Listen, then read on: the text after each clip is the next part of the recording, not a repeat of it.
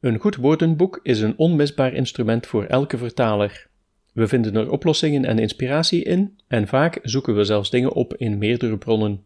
Maar heb je je ooit al eens afgevraagd hoe zo'n woordenboek nu eigenlijk tot stand komt? En wie zich geroepen voelt voor zo'n gigantisch karwei? Ik tenminste wel. Ik ben Steven Segaert en dit is de Vertaalpodcast. Welkom bij de Vertaalpodcast.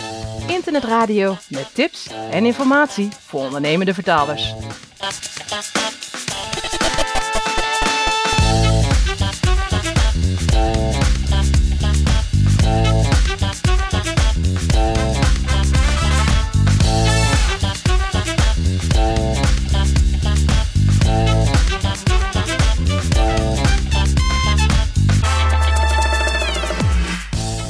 De algemene woordenboeken voor het Nederlands kennen we allemaal wel. Dat zijn vaak grote namen waar tientallen of zelfs honderden mensen aan meewerken. Als juridisch vertaler gebruik ik daarnaast bijna dagelijks het Juridisch-Economisch Lexicon. Dat is een gespecialiseerd woordenboek dat is opgesteld door Aart van den End. Dat weet ik omdat je vanuit het woordenboek ook vragen kunt voorleggen aan de auteur, die daar dan snel een persoonlijk antwoord op geeft. Nu is het Juridisch-Economisch Lexicon geen klein woordenboek, dus ik vroeg mij al een tijdje af hoe zo iemand erin slaagt dit allemaal bijgewerkt te houden. En als je iets wilt weten, dan moet je het gewoon vragen. Aart van den End, jij was vroeger eigenaar van het vertaalbureau Gateway en jij bent samensteller en uitgever van het Juridisch-Economisch Lexicon en het Onroerend Goed Lexicon. Het Juridisch-Economisch Lexicon, dat ik zelf het beste ken, bestaat al sedert 1994 en dat betekent dus dat je hier al zo 25 jaar mee bezig bent. Hoe komt iemand er in hemelsnaam bij om een woordenboek te gaan schrijven? Dat is een hele leuke vraag. Dat herinner ik me nog als de dag van gisteren. Ik wilde toen lid worden van een vereniging van vertalers en diende daarvoor twee vertalingen, twee proefvertalingen in. En die werden geanonimiseerd, die inzendingen. En ik kreeg als commentaar: jonge, veelbelovende vertaler, maar kent zijn termen niet. En ik dacht toen, waar in godsnaam zal ik dan die termen vandaan halen? En dat was nog in de tijd dat iedereen notaris bijvoorbeeld vertaalde met solicitor. En sinds die tijd is er natuurlijk enorm veel veranderd. Ik heb toen besloten om uh, mijn eigen woordenboek uh, te gaan maken. En uh, ben begonnen met het aanleggen van lijsten, het doorlezen van bestaande woordenboeken op specifiek juridische termen. Heb op papier en in de computer toen al lijsten gemaakt met kolommen. En dit woordenboek geeft deze vertaling, dat woordenboek geeft die vertaling. Oh ja. Die lijst weer een derde. En zolang er maar dezelfde vertalingen waren, was het relatief eenvoudig. Of ze waren allemaal goed, meestal, of allemaal fout. Je leert ook geleidelijk welk woordenboek van welk woordenboek heeft overgeschreven. en ja, toen al uh, wilde ik het ook actueel hebben. Dus ik las kranten, markeerde woorden, schreef woorden op die ik uh, hoorde op de televisie. Ik had een paar terminologielijsten van de toen EG. Daar was bijvoorbeeld een uitgebreide lijst van octrooitermen. Dat is waarom de eerste -hmm. uitgave van het juridisch lexicon toen uh, heel sterk was in uh, octrooitermen. Dat is heel lang geleden. Uh, had je toen al het idee dat dit iets was dat niet alleen voor jezelf was? Ja, ik heb toen een dummy laten maken van acht bladzijden. Heb die gestuurd naar octrooigemachtigden, advocatenkantoren enzovoort. En ik merkte door de enorme respons dat er heel veel behoefte aan was. Uh, ik weet nog dat ik van de doelgroep van de octrooigemachtigden, van 300 uh, adressen, ik een respons kreeg van 35 procent. Mm -hmm. Toen ik iemand, deskundig op het gebied van marketing, daarover vertelde, zei hij, daar zijn wij heel erg jaloers op, op dat soort respons. Ja. Ja, ik heb toen uiteraard heel veel tijd en ook geld geïnvesteerd. Uh, geld ook aan vergoedingen voor uh, helpers. Ik had een jurist-vertaler erbij die elke dag uit Amsterdam kwam. Ik had een Amerikaanse uh, juridisch vertaalster erbij. en een Engelse juridische vertaalster die ik in april 94 op een gegeven moment bij elkaar riep. Die kwamen dus elke dag naar mij toe. Wij dachten drie weken, dan uh, hebben we die uh, 800 bladzijden wel eens doorgenomen. En dat werd zes maanden, dus dat liep allemaal geweldig uit. En kostte ook veel meer dan uh, verwacht. Maar uiteindelijk is het allemaal goed gekomen. En was de bank zelfs nog zo vriendelijk om een bankgarantie af te geven voor de drukker. Drukken was toen enorm duur. Ik weet nog, de eerste oplage moest 100.000 gulden aan drukkosten uh, zijn. Ja. En ja, ik kon gelukkig aan de bank laten zien dat ik voor 105.000 gulden al aan bestellingen had, voordat er ook maar iets op de markt was. Na een jaar had ik een uh, behoorlijke schuld weer uh, afgelost. Mm -hmm. Toen kwam dus de eerste druk en inmiddels hebben we er zes geloof ik. En ben ik dolblij dat we van de boeken af zijn. ik heb toevallig de vorige week een albumpje bekeken dat mijn vrouw had gemaakt, waarbij ik met een secretaresse op het terras, het was een warme zomer, een manuscript nakeek. Allemaal op afbrekingen. Dat moest toen nog. Daar hebben we ongeveer drie weken over gedaan. En ik herinner me nog dat ik aan het eind van die drie weken mezelf een paar dagen vakantie gaf dat we wegreden en dat ik letterlijk op de hoek van de straat naar rechts wilde kijken bij het afslaan en dat mijn nek vast zat en dat die vakantie een hel is geweest waarbij ik elke dag bij een fysiotherapeut was om die nek maar weer los te krijgen. Och. Ja. De ellende bij boeken was ook dat zodra je een bestand had afgeleverd bij een zetter, dat je dan bedacht dat je dat en dat heel belangrijke woord nog per se erbij moest krijgen, of dat je een spelfout had gemaakt. Mhm. Dus je wist voordat het boek uitkwam al dat er dingen niet in stonden en dat er fouten in stonden. En dat hebben we nu gelukkig niet meer. De tijden zijn wel veranderd. Ja. Jij vertaalde en tolkte dus zelf naar het Engels. Uh, De meeste collega's zijn het er wel over eens dat je als vertaler in deze tijden maar beter naar je moedertaal vertaalt. Maar jij koos toch voor het Engels. Hoe komt dat dan? Ja, eigenlijk uh, heel raar, heel eenvoudig. Ik vond het vertalen van het Engels naar het Nederlands veel moeilijker dan van het Nederlands naar het Engels. Het zal wel grotendeels onkunde geweest zijn toen. Maar ook toen ik de cursus MOA volgde, dat bestaat inmiddels niet meer, de opleiding voor de middelbaar onderwijsakte. Mhm. Toen zakte ik voor de vertaling Engels-Nederlands. En dat betekende in 1979 dat ik alle vakken nog een keer over mocht doen in het volgende jaar. En toen haalde ik gelukkig met de hak over de sloot een 6. En ik had al een 8 voor Nederlands-Engels. En toen was ik van die vertaling Mhm. af. Ja. Misschien is het omdat ik eh, eh, het Nederlands te goed ken en geen keuzes durf te maken of niet de goede keuzes maakte. En ik heb altijd een hekel gehad aan eh, vertalen of tolken Engels-Nederlands, omdat ik dacht, ja, jullie die mij aanhoren of die mij lezen, kennen het Nederlands net zo goed als ik. Ja. Maar andersom is het anders. Heb je dan ook een band met Engeland? Absoluut. Dat is begonnen op mijn zestiende toen ik stiekem naar Engeland fietste, nota bene. Ik had tegen mijn vader gezegd dat ik naar een jeugdherberg in Brugge zou gaan. Dat ging ik inderdaad ook doen. En vanuit Brugge ging ik via Zeebrugge naar Dover. Ik wist dat ik familie in Engeland had. Ik had ook een adres, een plaatsnaam. Ik wist absoluut niet waar die plaats was, maar nam aan dat, dat, uh, dat Engeland zo onge ongeveer zo groot was als Nederland, dus dat ik daar ook wel zou komen. En dat bleek gelukkig maar zoiets als 160 kilometer van Dover te zijn. Dus na een uh, nacht en een halve dag fietsen uh, kwam ik eraan en heb ik bij een politiebureau gevraagd of ze iemand van mijn naam kenden.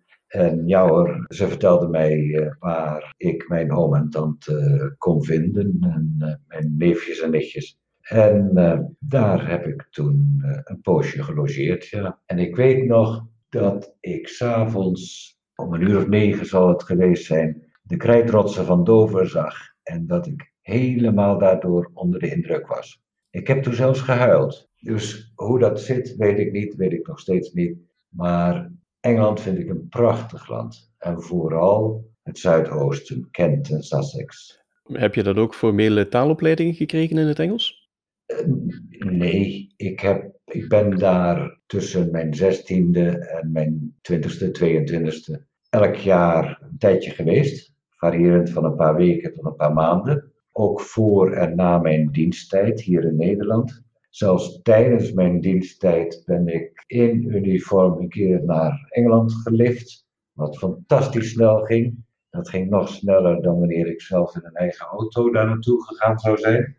En het grappige is, ik noteerde maar, luisterde en als ik weer terug was, dan schreef ik onderwerpsgewijs alle termen die ik uh, hoor, aanhoorde op met de vertaling.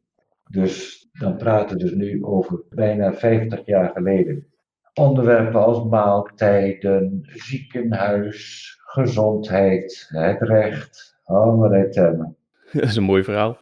Nu, als juridisch vertaler gebruik ik het juridisch-economisch lexicon nagenoeg dagelijks, eh, maar je hebt ook nog andere woordenboeken? Ik ben begonnen met het onroerend goed lexicon. Het grappige is, ik gaf conversatieles aan een persoon en die bleek de voorzitter van een organisatie voor het midden- en kleinbedrijf in Europa te zijn. Die zat veel in Brussel. En die vroeg mij toen om een woordenboek op dit gebied te maken, op onroerend goedgebied. En daarvoor kon ik subsidie krijgen. En dan moest ik woordenboeken in drie talen maken: Nederlands, Engels, Nederlands, Duits, Nederlands, Frans. En er moest ook een modern element in zijn. Nou, wat ik maakte was een bouwsteenblok correspondentie voor bedrijven. Dus ik vertaalde toen al veel brieven van makelaarskantoren en heb dat wat logisch opgebouwd, zodat men naar keuze uh, alinea's kon overnemen en die dan in de andere taal uh, kon uh, opzoeken. Mm-hmm. Uiteraard werd het Nederlands-Engels een succes. Nederlands-Duits, daar was ook vraag naar, maar dat ging heel anders dan ik dacht. En Nederlands-Frans, dat werden maar een paar exemplaren die door mensen uh, die ervan hoorden opgevraagd werden. En dan stuurde ik ze een exemplaar tegen de kopieerkosten. Ja. Het Nederlands-Duits, werd in één keer opgekocht door een vereniging van aannemers met belangen in het buitenland uit Enschede. Dus daar was ik in één keer vanaf. En Nederlands-Engels, dat is gebleven en dat bestaat nog steeds. Dus het begon met onroerend goed mhm. lexicon in 1994. Maar dat was ook het jaar van het Nederlands-Engels juridisch lexicon. En het juridisch lexicon bestond tot 2008. Toen dacht ik, ja, die naam klopt niet meer, want ja, er staan zoveel termen uit aanverwante gebieden ook in, vooral economie. Ik maak het juridisch-economisch lexicon. En in 2008 is er een systeem gekomen waarbij het online kon worden uitgegeven. En men kon kiezen uit hoofdzinnen en voorbeeldzinnen. In 2014 kwam er een nieuw beheersysteem waarbij er nu al googlend gezocht kan worden. Dus men vindt alles wat er ook ingestopt is. En het begint met een 100% match tot een fuzzy match. Ja. 2013, 2014 heb ik toen ook het Nederlands-Engels omgezet in Engels-Nederlands. Mm Kostte nogal wat tijd, moest allemaal handmatig gebeuren, want de indeling is natuurlijk ook uh, erg belangrijk. Het moet er netjes uitzien op je scherm. En uh, ook dat werd een succes. Na twee, drie jaar waren er bijna evenveel gebruikers uh, voor het Engels-Nederlands als voor het Nederlands-Engels.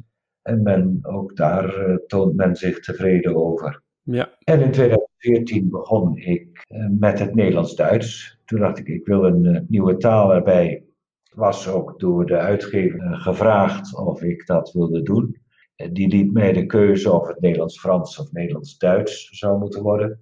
En ik heb toen, wat ik dacht, de beste vertalers van Nederland, de vertalers Duits, bij elkaar gekregen. 21 vertalers. En die heb ik in één jaar laten doen, waarover ik 21 jaar had gedaan.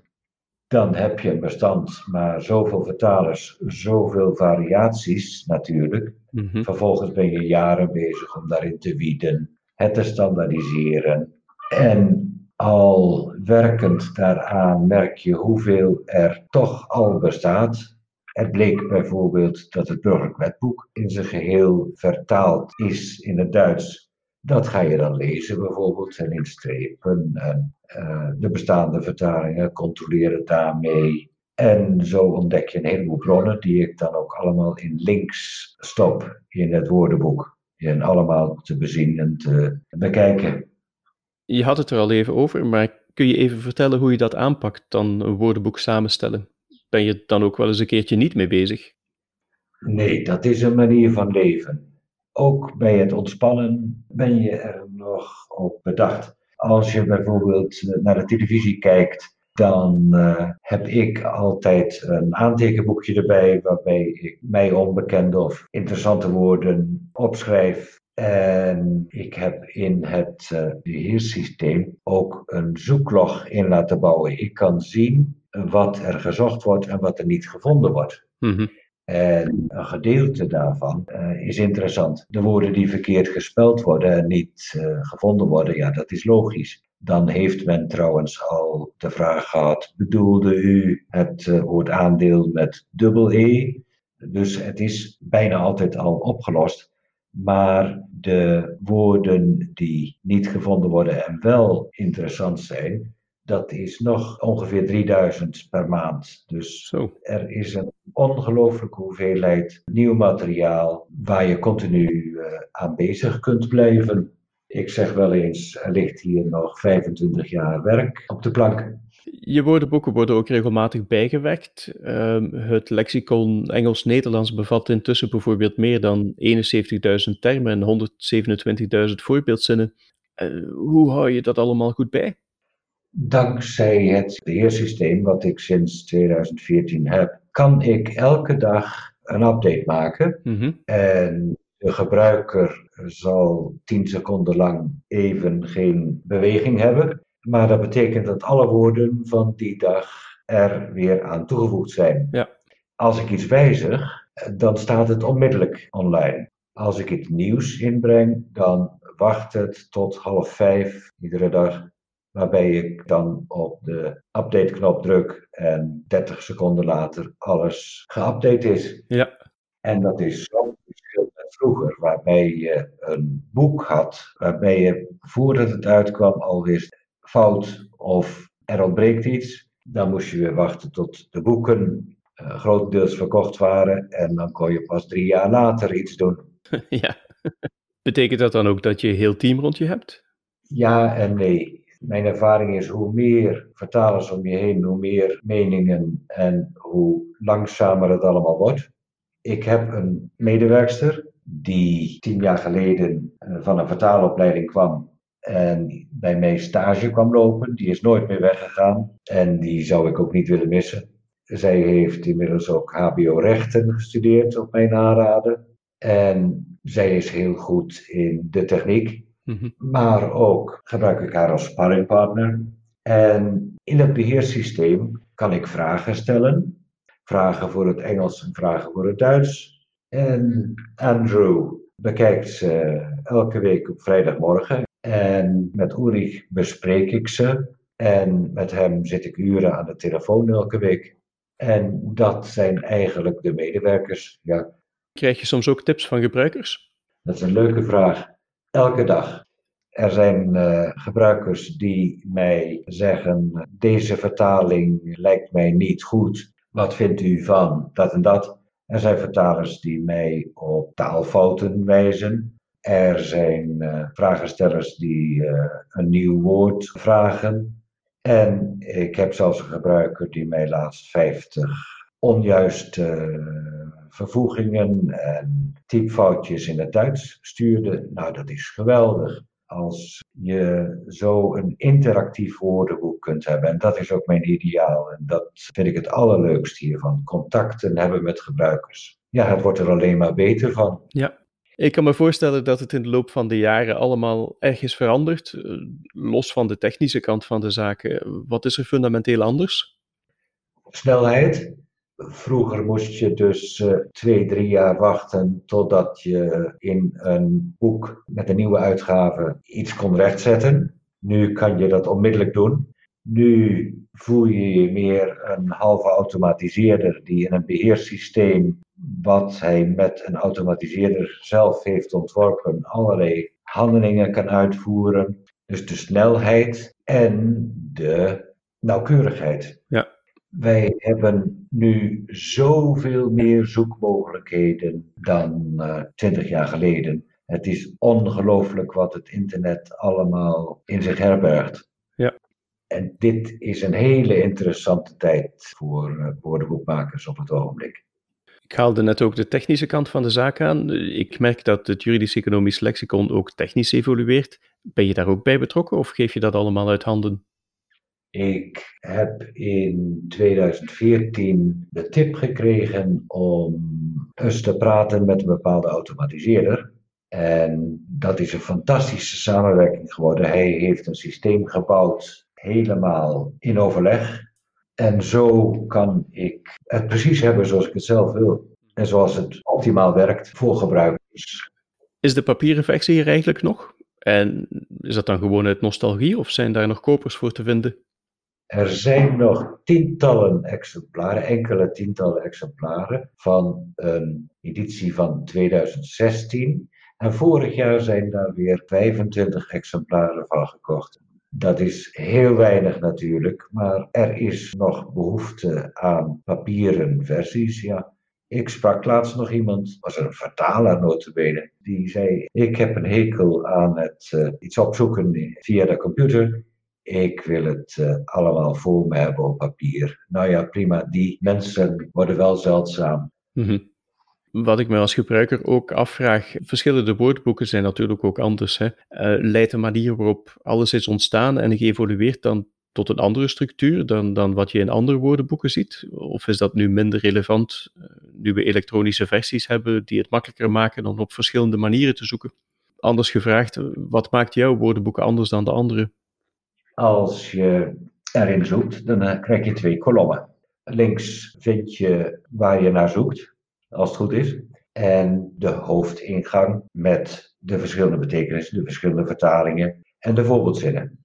Rechts vind je het gezochte woord of de gezochte woorden, zoals ze nog elders in het woordenboek voorkomen.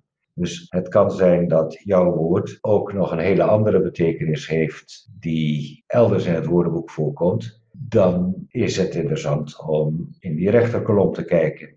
Het lexicon draagt ook het keurmerk spelling van de Talenunie. Betekent dat dan dat je regelmatig gecontroleerd wordt? Ja, sterker nog, ik heb jaren geleden contact gekregen met de Taalunie en die vroegen mij of ze het bestand mochten vergelijken met hun woordenlijst, het groene boekje dus. Mm en het bleek dat ze ongeveer 50, 55.000 ingangen niet in het groene boekje stonden.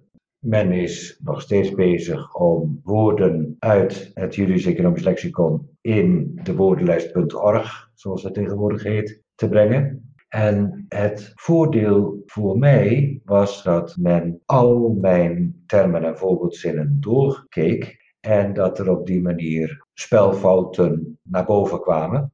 En ik weet nog dat ik een keer 33 spelfouten in één keer overhield. En dat is natuurlijk prachtig. Ja, je krijgt rare discussies soms. Bijvoorbeeld over uh, het woord kroonberoep. Waarvan men zei, uh, ja, dat moet kroonberoep met een kleine k zijn. Maar dat is uiteraard niet geworden. Want het gaat om beroep bij de kroon. Bij de hoofdletter K dus. Bij de Rijksoverheid. Niet bij het hoofdsieraad van de vorst. En dingen als eindexamenbesluit, V.W.O. enzovoort, uh, dat moest worden eindexamenbesluit VWO, zonder puntjes dus. Alleen die besluiten die zijn een keer tot stand gekomen en van kracht geworden in de tijd dat men nog VWO met puntjes schreef. Dus soms zei ik nee, dat kan niet. En dan werd het in overleg uh, goedgekeurd. Ja, net als veel collega's hou ik wel eens mijn eigen lijstjes bij. Dat gaat bij mij niet veel verder dan een glossarium in een vertaalprogramma. Maar stel nu dat ik het toch wat systematischer aan zou willen pakken. Welke tips heb je dan voor me? Ja, noteer bij de term je bronnen en je links. En uh, ook belangrijk de datum van toevoegen. En uh, ja, als je dat niet gedaan hebt, zoals in het verleden zelfs bij mij ook niet kon natuurlijk, en je ziet het woord weer, dan heb je soms geen idee wat het betekent en kan je je hele zoektocht weer opnieuw beginnen. Het helpt dus als je bronnen, links en datum eraan toevoegt. Ik weet, vertalers hebben hun eigen lijstjes en houden dat uh, angstvallig geheim. Concurrentievoordeel.